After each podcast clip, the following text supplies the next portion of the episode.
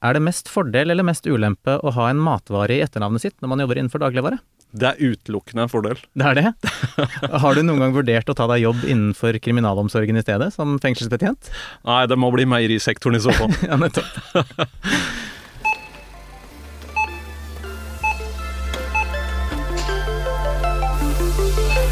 Hjertelig velkommen til Handlevogna, podkasten om hva du putter i handlevogna, hvem som har laget maten du kjøper, hvem som selger den, hvordan de konkurrerer om kundene, og alle andre store og små spørsmål du måtte ha om norsk dagligvarebransje. Jeg heter Bendik Solum Wist. Og jeg heter Runar Viksnes. Hjertelig velkommen tilbake til Handlevogna, Runar. Tusen takk. Ja. Det er jammen en glede å gå rundt her i eh, kunnskapens dagligvarebutikk og eh, fylle kurven. Ikke sant? Og i dag så skal vi fylle kurven med Stein Rømmerud. Jaha! Ja, for han er kommunikasjonssjef i Norgesgruppen. Og det er jo Norges største handelshus. De står bak butikkjeder som Kiwi, Meny, Joker, Spar, Mix, Jafs, Deli de Luca og grossisten Asko, for å nevne noe. Det høres ut som de fleste har satt sine bein i en av deres butikker. Du skal ha levd ganske solid planta under en stein hvis ikke du har vært innom en eller annen sjappe som Norgesgruppen står bak. Og jeg tenkte jeg skulle snakke litt med Stein om hvordan det er å være størst i bransjen, og hvem det er som er hovedutfordrerne, og hvordan fjoråret deres gikk, og hvordan de ser for seg fremtiden innen norsk dagligvare med både medienes og politikernes søkelys midt i eh, planeten. Spennende. Og på slutten av handleturen så kommer vi til eh, kassa, og der har du med deg noe som i aller høyeste grad gjelder eh, kassa. Ja, det stemmer. Nå viser jeg at eh, kassalappen din den skal du få lov å beholde sjøl. Den skal ikke Statistisk sentralbyrå få likevel. Jo, jeg hater når Statistisk sentralbyrå får kassalappen min. Ja, De fikk den jo aldri. Nei, stemmer. Og du skal fortelle litt om hva som sto på spill, og hvorfor de ikke skal få den. Ja, det stemmer. Ja. de har jo villet ville bruke det til å lage stadig bedre statistikk, Huttetu! men eh, bongen min får du ikke. Og det kommer vi da tilbake til eh, mot slutten av sendingen. Men eh, aller først, har ikke du med deg noe fra avdeling for statistikk og analyse? Jo, altså med Noen ting får fortsatt eh, SSB tak i, eh, blant Mhm. annet konkursstatistikken. Au! Ja, og det viser seg jo at det er, det er vanskelig å drive butikk. Det har det alltid vært, unntatt de siste par åra. Men eh, i et normalt år eh, så går det mm, omtrent 4000 bedrifter til skifteretten i Norge. Eh, om lag 800 av de er innenfor eh, varehandel, Mm. både grossist og butikkleddet. Men eh, de siste par åra så har det vært nesten tørke. Yes. Nesten ingen konkurser. Oi! Ja, Så eh, under pandemi og sånn, så null og niks innenfor eh, Ja, ikke null og niks, men, Men eh, omtrent 1000 færre enn normalt. Ja. Eh, Men nå er ting på vei tilbake igjen til normalen. ja.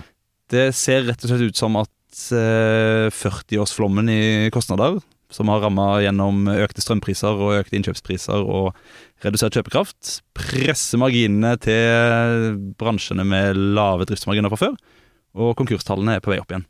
Ja.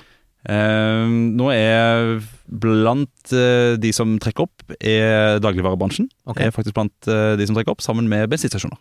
ja.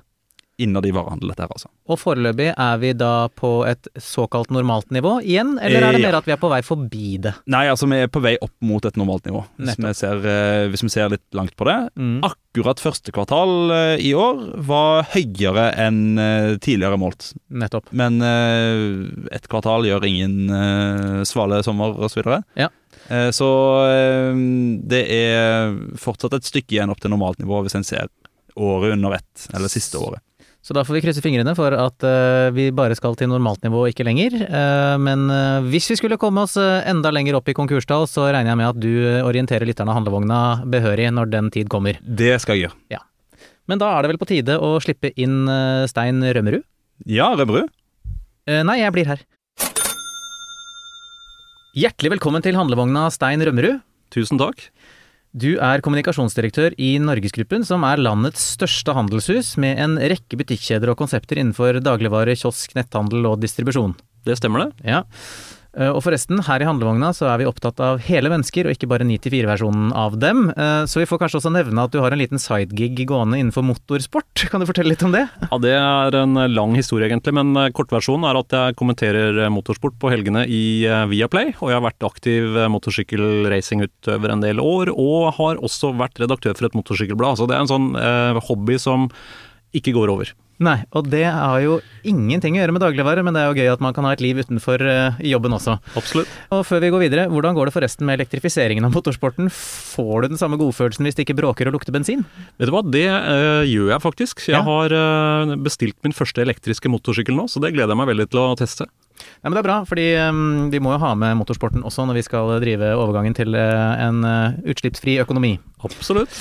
Vi skal straks i gang med de vanskelige spørsmålene om matpriser, politiske dragkamper og tilhørende medietrøkk. Men for de som ikke kjenner Norgesgruppen så godt fra før, hvem eller hva gjemmer seg bak navnet, og hvor mange folk er dere totalt? Altså, Norgesgruppen er jo Norges største handelshus. Vi er i dag eh, 45 000 stykker som eh, er sysselsatt, og det gjør at dette er en av Norges største private arbeidsgivere. Vi har ca. 1800 dagligvarebutikker og en hel haug med kiosker og lagre og, eh, og andre områder. Lang historie. Starta i 1866 Oi. med import av eh, sukker, av sirup, av kaffe og salg av dette til dagligvarebutikker. Og Det var da første generasjon Johansson. Han het Johan Johansson, var en bondesønn fra Askim som flytta til Oslo, starta som grossist. Og I dag så er femte generasjon Johansson, Johan Johansson, han er styreleder for, eh, for Norgesgruppen, så det er ganske lange linjer her. Ja. Eh, Norgesgruppen som konsern ble danna i 2000, og det var en fusjon mellom detaljistleddet, altså butikkene, Mm. og grossistleddet, som altså er eh, import av varer, innkjøp av varer, eh, lagerføring og, og salg, transport av varer. Men det står ikke Norgesgruppen på noen av butikkene, så hvem er disse ulike butikkonseptene deres som folk kan kjenne igjen? Ja, så Under eh, Norgesgruppen Paraplyen så er det jo Kiwi som er den største aktøren, med nesten 700 butikker. Men der finner du også Meny og Spar, Joker, nærbutikken, og i tillegg til det Deli de Luca, Jafs, Mix eh, og en rekke andre konsepter. En ganske stor bukett med ulike steder du kan eh, bruke sparepengene dine hvis du er sulten eller tørst. Det kan man trygt si. Eh, Og dette med, dette med kaffen, det, man har ikke sluppet den helt, for det er noe kaffebrenning på gang også? Det er det. Så Jo Johansson Kaffe er fortsatt en stor aktør. Eh, merkevarer som Evergood og Ali Kaffe er, kjenner jo veldig mange. Ja. Så det er vår kaffevirksomhet, og leverer til både dagligvare, men også til stor husholdning. Nettopp. Ja, da kjenner vi Norgesgruppen godt nok til å gå inn i din CV. Du begynte jo i Norgesgruppen bare et par uker etter at Norge stengte ned, helt i starten av koronapandemien. Eh, Hvordan vil du oppsummere de tre årene du har hatt som eh, kommunikasjonssjef fra da pandemiårene 2020 og 2021 til krigsårene 2022 og 2023 som vi er midt oppi nå? Ja, det har vært eh, noen ganske ekstreme år. Du eh, har jo rett, jeg begynte 1.4.2020, og da hadde jo Norge vært nedstengt bare noen uker. Og da hadde Norgesgruppen satt eh, krisestab. Og jeg var heldig fordi jeg fikk jobbe på kontor, og det er jo noen av funksjonene der som var til stede på hovedkontoret. Men det er ganske naturlig, for vi skulle jo ha alle butikkene våre åpne, og alle ansatte sto jo i denne situasjonen. Så det var ganske spesielt. Eh, For det første så fikk jeg ikke tatt ordentlig avskjed med alle de jeg jobba sammen med i eh, Coca-Cola. Jeg kom fra leverandørsiden. Mm. Og det var også veldig mange nye kollegaer som jeg ikke møtte på et par år, fordi det var helt spesielle eh, tilstander. Så vi hadde jo veldig fokus på, på det å få varene ut i butikk, kunne holde butikkene åpne, alle smittevernstiltakene og alt det som skulle til for å kunne operere fortsatt, til tross for pandemien. Det gikk jo bra, men det var ganske spesielle tilstander, og mange var jo i begynnelsen i tvil om det var mulig å ha butikker åpne. Ville de ansatte bli smitta? Var det nok varer? Ville det bli så mye hamstring at det ble store problemer? Så det var en veldig krevende og spesiell periode, men vi kom jo veldig godt gjennom det. Og både Norgesgruppen og de andre kjedeaktørene fikk jo ganske mye og velfortjent skryt for eh, måten pandemien hadde blitt håndtert på. Ja, vi fikk jo mat gjennom hele pandemien. Men Jeg husker fortsatt eh, da jeg gikk i butikken på ettermiddagen 12. mars eh, 2020. Det, det var noe sånn folk skulte litt sånn eh, Litt sånn på hverandre, og det begynte å bli tomt for pasta og litt sånn og dopapir og, og sånne ting. Men eh, det gikk jo overraskende greit. eh, Ja, det gjorde det. Så det her med hamstringstendenser, det er veldig smittsomt. Og når man først ser at en av de andre i butikken begynner å kjøpe veldig mye gjær, veldig mye dopapir, veldig mye joikakaker, ja vel, da gjør du det også. Mm. Og det er nok husholdninger nå som har spagetti à la Capri på eh, hermetikk for mange års forbruk fremover. Og det, det er veldig unødvendig. Når vi ser det etterpå, så ser vi at hvis alle handler normalt, så går det bra. Ja, nettopp. Det er for tiden et skarpt søkelys eh, rettet mot dagligvarebransjen, både fra media, fra regjeringen og opposisjonen på Stortinget. Når var det egentlig dette søkelyset dukket opp, og hvorfor? Jeg tror det har vært uh, veldig sterkt søkelys på matbransjen og dagligvarebransjen i veldig mange år. Og det er naturlig, fordi mat opptar alle. Alle går i butikken. Og for politikerne også, så tror jeg de uh, føler et visst behov for å mene mye om denne bransjen, og sikkert også vise litt handlekraft. Så det er helt naturlig. Men jeg tror uh, det særlige fokuset nå, det har starta egentlig etter pandemien, og når det begynte å bli prisøkninger knytta til råvare, transport, importsituasjonen. Eh, det kom jo i kjølvannet av Ukraina særlig, og det, de kraftige prisøkningene som eh, kom da eh, gjennom hele verdikjeden for mat, internasjonalt og i Norge, det gjorde nok at det politiske fokuset på vår bransje ble enda større. Og det må vi bare akseptere. Men dette med økte råvarepriser og strøm og energipriser og sånn, det, det, er jo ikke noe som bare traff Norge, det traff vel omtrent alle i hele Europa. Så det, har dere butikker andre steder enn i Norge? som dere kan sammenligne med? Ja, vi er jo deleiere av Dagrofa i Danmark, som har Spar og Meny i det danske markedet. Og mm. vi er også inne i et samarbeid med Axfood i Sverige om um, Eurocash, som er uh, en av grenseaktørene. Så du har helt rett, det, var jo høyere prisøkning i landene rundt oss enn i Norge, og det skyldes nok flere ting. Det ene er at det har vært uh, beinhard konkurranse, særlig i lavpris i Norge i den siste perioden. Og vi hadde i tillegg et jordbruksoppgjør i fjor som var på 11 milliarder kroner, som gjorde at veldig mange av eh, produsentene i landbruket fikk dekka kostnadene sine, sånn at de slapp å ta ut det høyere pris. Og det bidrar også til, eh, til litt lavere prisvekst enn det vi har sett i landene rundt. Så hvis vi ser på statistikken nå, så er jo Norge en av de landene med lavest prisvekst i Europa. Det er selvfølgelig veldig positivt, men vi har full forståelse for at det er mange som syns at uh, prisene har gått opp mye de siste par årene likevel. Mm. Norgesgruppen la nylig fram sin års- og bærekraftsrapport for 2022.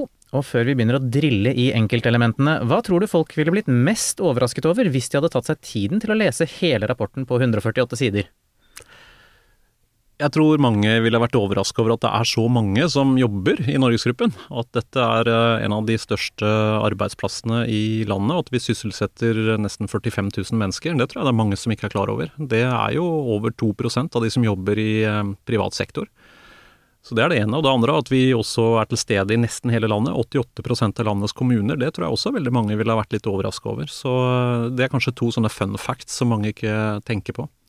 Og det er jo mange nordmenn som på et eller annet tidspunkt har jobbet i butikk, så da er det jo ikke så usannsynlig at de kanskje har jobbet i en Norgesgruppen-butikk. Nei, det tror jeg stemmer. Eller at de gjør det. Jeg tror veldig mange har sitt første møte med yrkeslivet i en butikk. Og jeg begynte å jobbe i en Jernia-butikk da jeg var 14 eh, år gammel, og det setter jeg veldig pris på i dag. Ja, min første jobb det var som skoselger, så ikke dagligvare, men eh, sko må man jo også ha for å holde seg tørr og varm på beina. Men eh, du, i års- og bærekraftsrapporten, la oss starte med penga, eller finansielle nøkkeltall som det heter på årsrapportsk. Hvordan gikk det egentlig økonomisk med Norgesgruppen i fjor?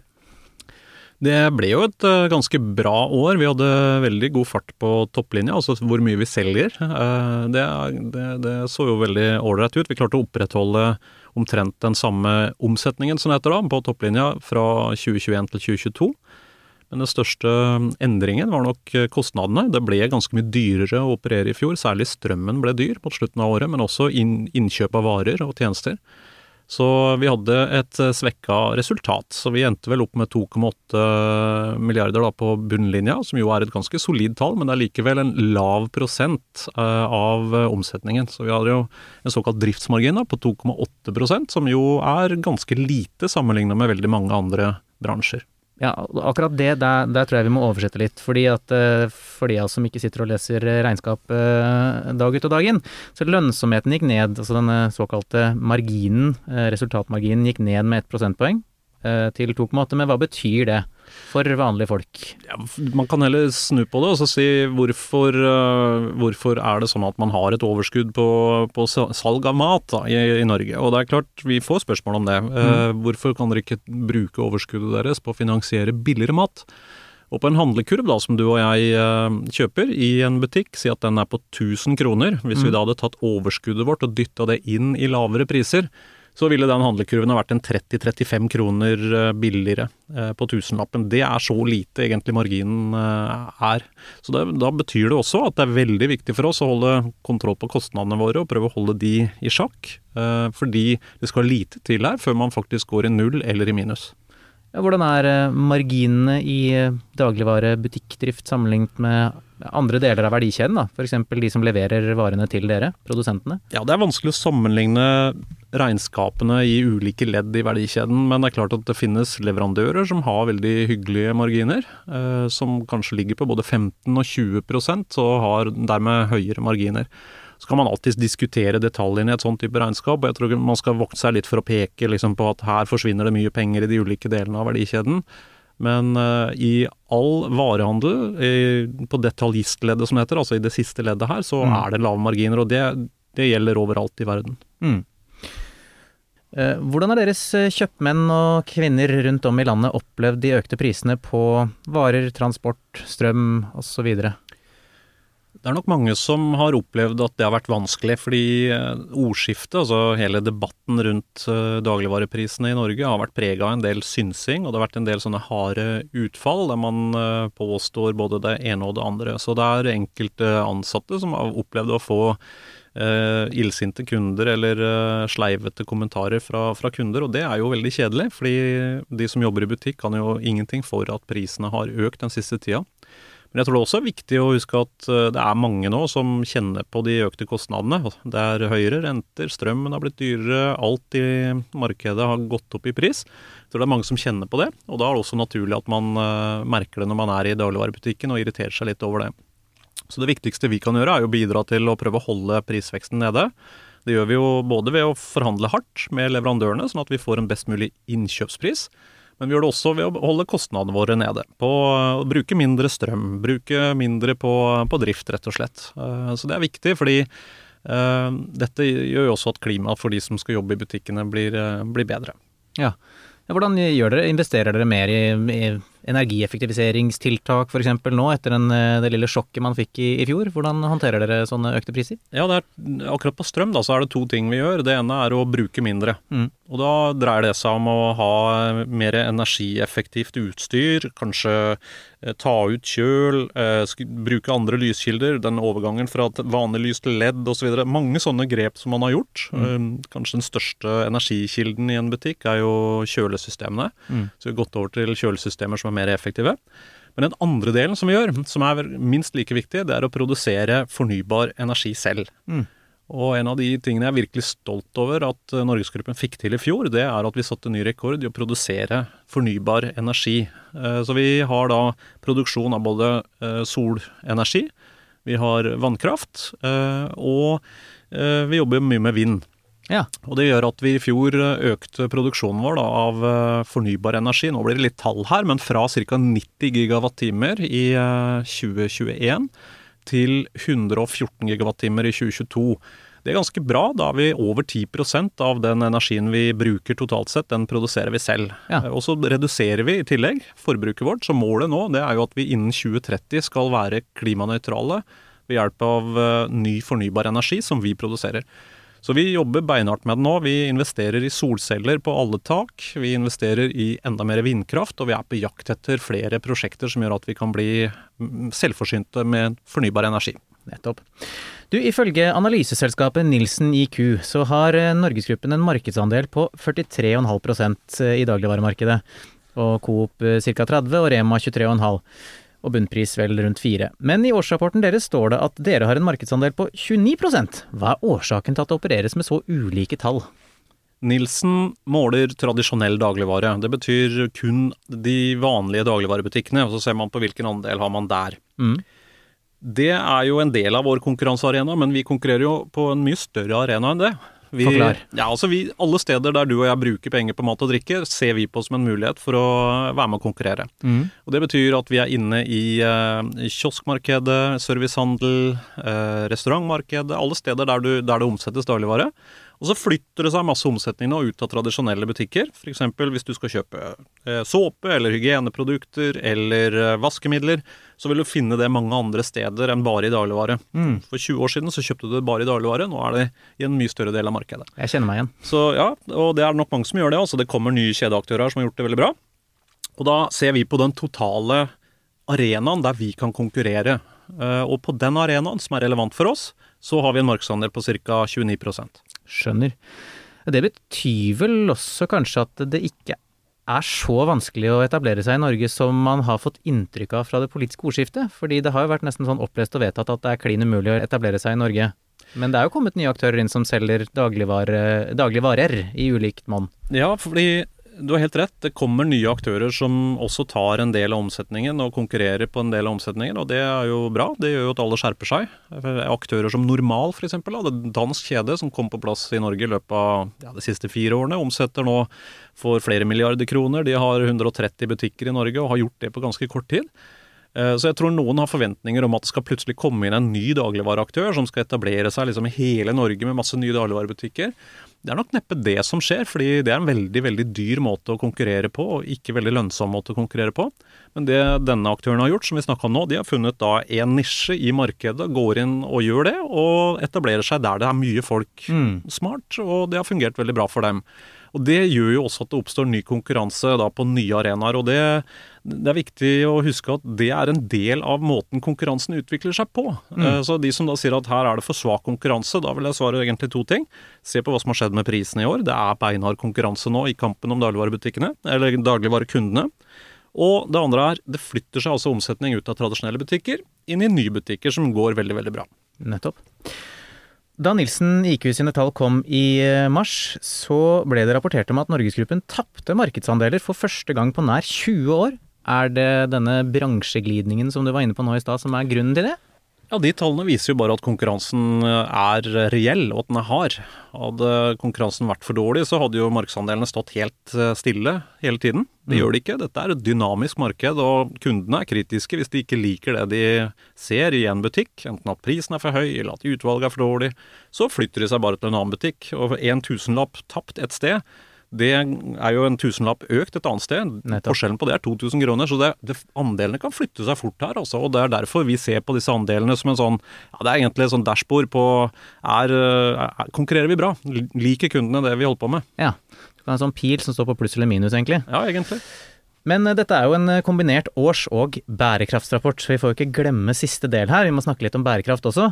Uh, hva mener du er Norgesgruppens topp tre tiltak innen bærekraft i året som har gått?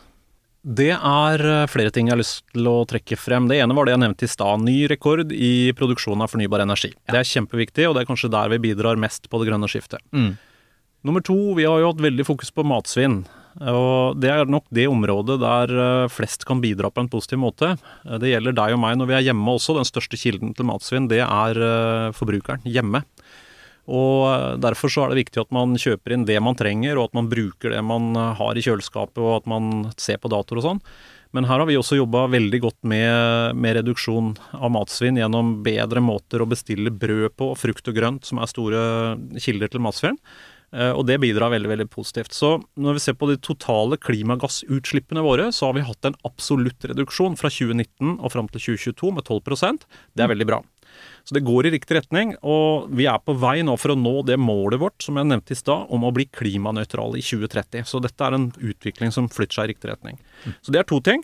Det tredje tingen jeg har lyst til å nevne, det er den grønne verdikjeden, altså måten vi produserer varer på, lagrer varer, frakter varer og selger varer på.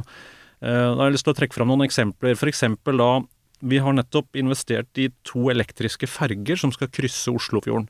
For å frakte varer fra lageret vårt på Vestby til det nye lageret vårt i Sande i Vestfold.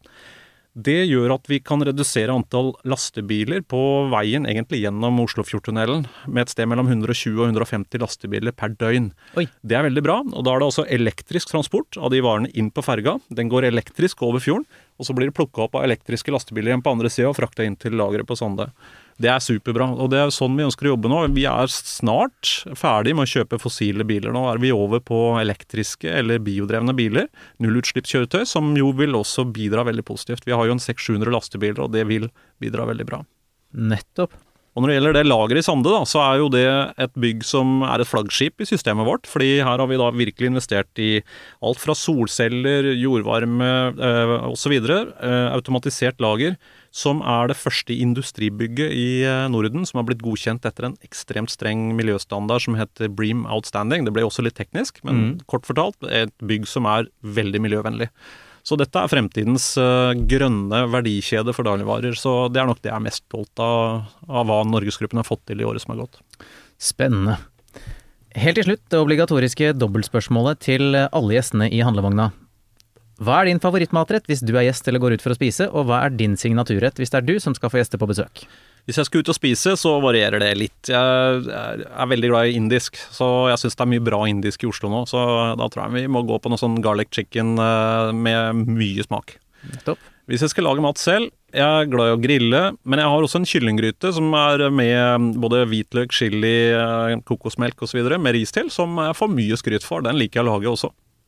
Ja, det var premiere på begge disse rettene. Det er ingen av gjestene så langt som har sagt det, så det er veldig hyggelig å høre at det er en bred fauna av retter som man kan lage og servere. Tusen takk for at du kom på besøk til handlevogna, Stein Rømmerud. Takk for at jeg ble invitert. Og da, Runar, er vi kommet til kassa, og der sitter jeg, verdens blideste kassamann, og spør deg, vil du ha kassalappen? Det, og da svarer jeg som Statistisk sentralbyrå ja takk. Men nei da, fordi du får ikke, du får ikke denne kassalappen. Nei. Og hva er det vi skal tilbake til eh, Hva er det vi skal snakke om nå, Runar? Nei, fordi like bak eh, SSB i køen sto Datatilsynet og smelte et stort nei i disken eh, da de spurte om å få kvitteringen. Eh, det har seg sånn at SSB driver jo med statistikkutvikling og statistikkarbeid. Ja. Og de har allerede kjempemasse gode data på eh, både nordmenns forbruk og inntekter, og hva vi spiser, og vi, hvor lenge vi lever, og hva vi blir syke av osv. Alt dette her driver de og samler data på og gjør god forskning på. Det er en berikelse å ha et sånt eh, register. Men vi vil ha mer, og faen vil ha flere, som det heter. Ja, og eh, SSB spurte derfor om de ikke kunne få bongdataene. Bong? Ja, Altså kvitteringsdataene ut fra kassaapparatene. Akkurat. Så For når de- du sier bong, så tenkte jeg at det har jeg sett på sånne amerikanske high school-filmer, at det, det, bong kan du bruke til noe annet også, men Ja. her er det snakk om kvitteringsdata. Ja, det snakker kvitteringsdata. Akkurat. I den samme sammenhengen så ville kanskje noen si at eh, de hadde tatt litt vel hardt i på bongen eh, før de ba om disse dataene. For eh, de ønska seg rett og slett eh, transaksjonsdataene for hver enkelt kjøp i butikk, sånn at de kunne knytte det til kjøper, altså personen som hadde kjøpt, Ja. for å se sammenhengen mellom din eh, livssituasjon og helse og bosted og inntektsnivå og hva du kjøper i butikken, og Nettopp. utviklingen dette over tid. Dette er jo et eh, veldig rikt datagrunnlag som mm. eh, SSB sikkert kunne gjort god nytte av. Og de hadde veldig gode sikkerhetsmekanismer for å ivareta personvern og alle sånne ting. Mm. Men eh, Datatilsynet lander likevel på et forbud mot denne planlagte innsamlingen av data. Fordi de mente at det var eh, Selv om det blir forvalta godt i bakkant, så går de for langt i det de får så detaljerte data om forbrukerne. Nettopp. Ja, fordi når jeg går gjennom eh, kassa og bare kjøper raut kjøtt og bearnés og skal kose meg, og det skjer hver eneste dag, og så får jeg mer eh, hjerte- og karsykdommer eh, eller noe sånt nå, så vil du kanskje komme med kostholdsråd senere som sier at eh, ikke gjør det. Ja, Men det føler jeg vi visste fra før. ja altså akkurat, akkurat på de områdene der så finnes det jo eh, heldigvis eh, eksisterende forskning å lene seg på. Ja. Men eh, her kunne en jo eh, fått eh, raskere oppdatert informasjon om endringer i handlemønstre. En kunne tenkt seg kanskje enda mer presis eh, utvikling av eh, data på prisutvikling, eller eh, sammensetning av handlekurver osv. Kanskje vi kunne lært en ting og to om forskjellen i handlemønster mellom grender på Vestlandet og høyfjellsbygdene i Innlandet. Ja. Men det må altså løses gjennom andre metoder, fordi personvernet står foran. Og det skal vi vel kanskje være glade for, at eh, Datatilsynet sa rett og slett at eh, den ideen der, eh, SSB, put it in your bong and smoke it. Ja, det kan du si. Nå har de fått tid til å tygge på det og smake på det, og innen tre uker fra vedtaket så kan SSB klage Oi. hvis de vil ha en omkamp.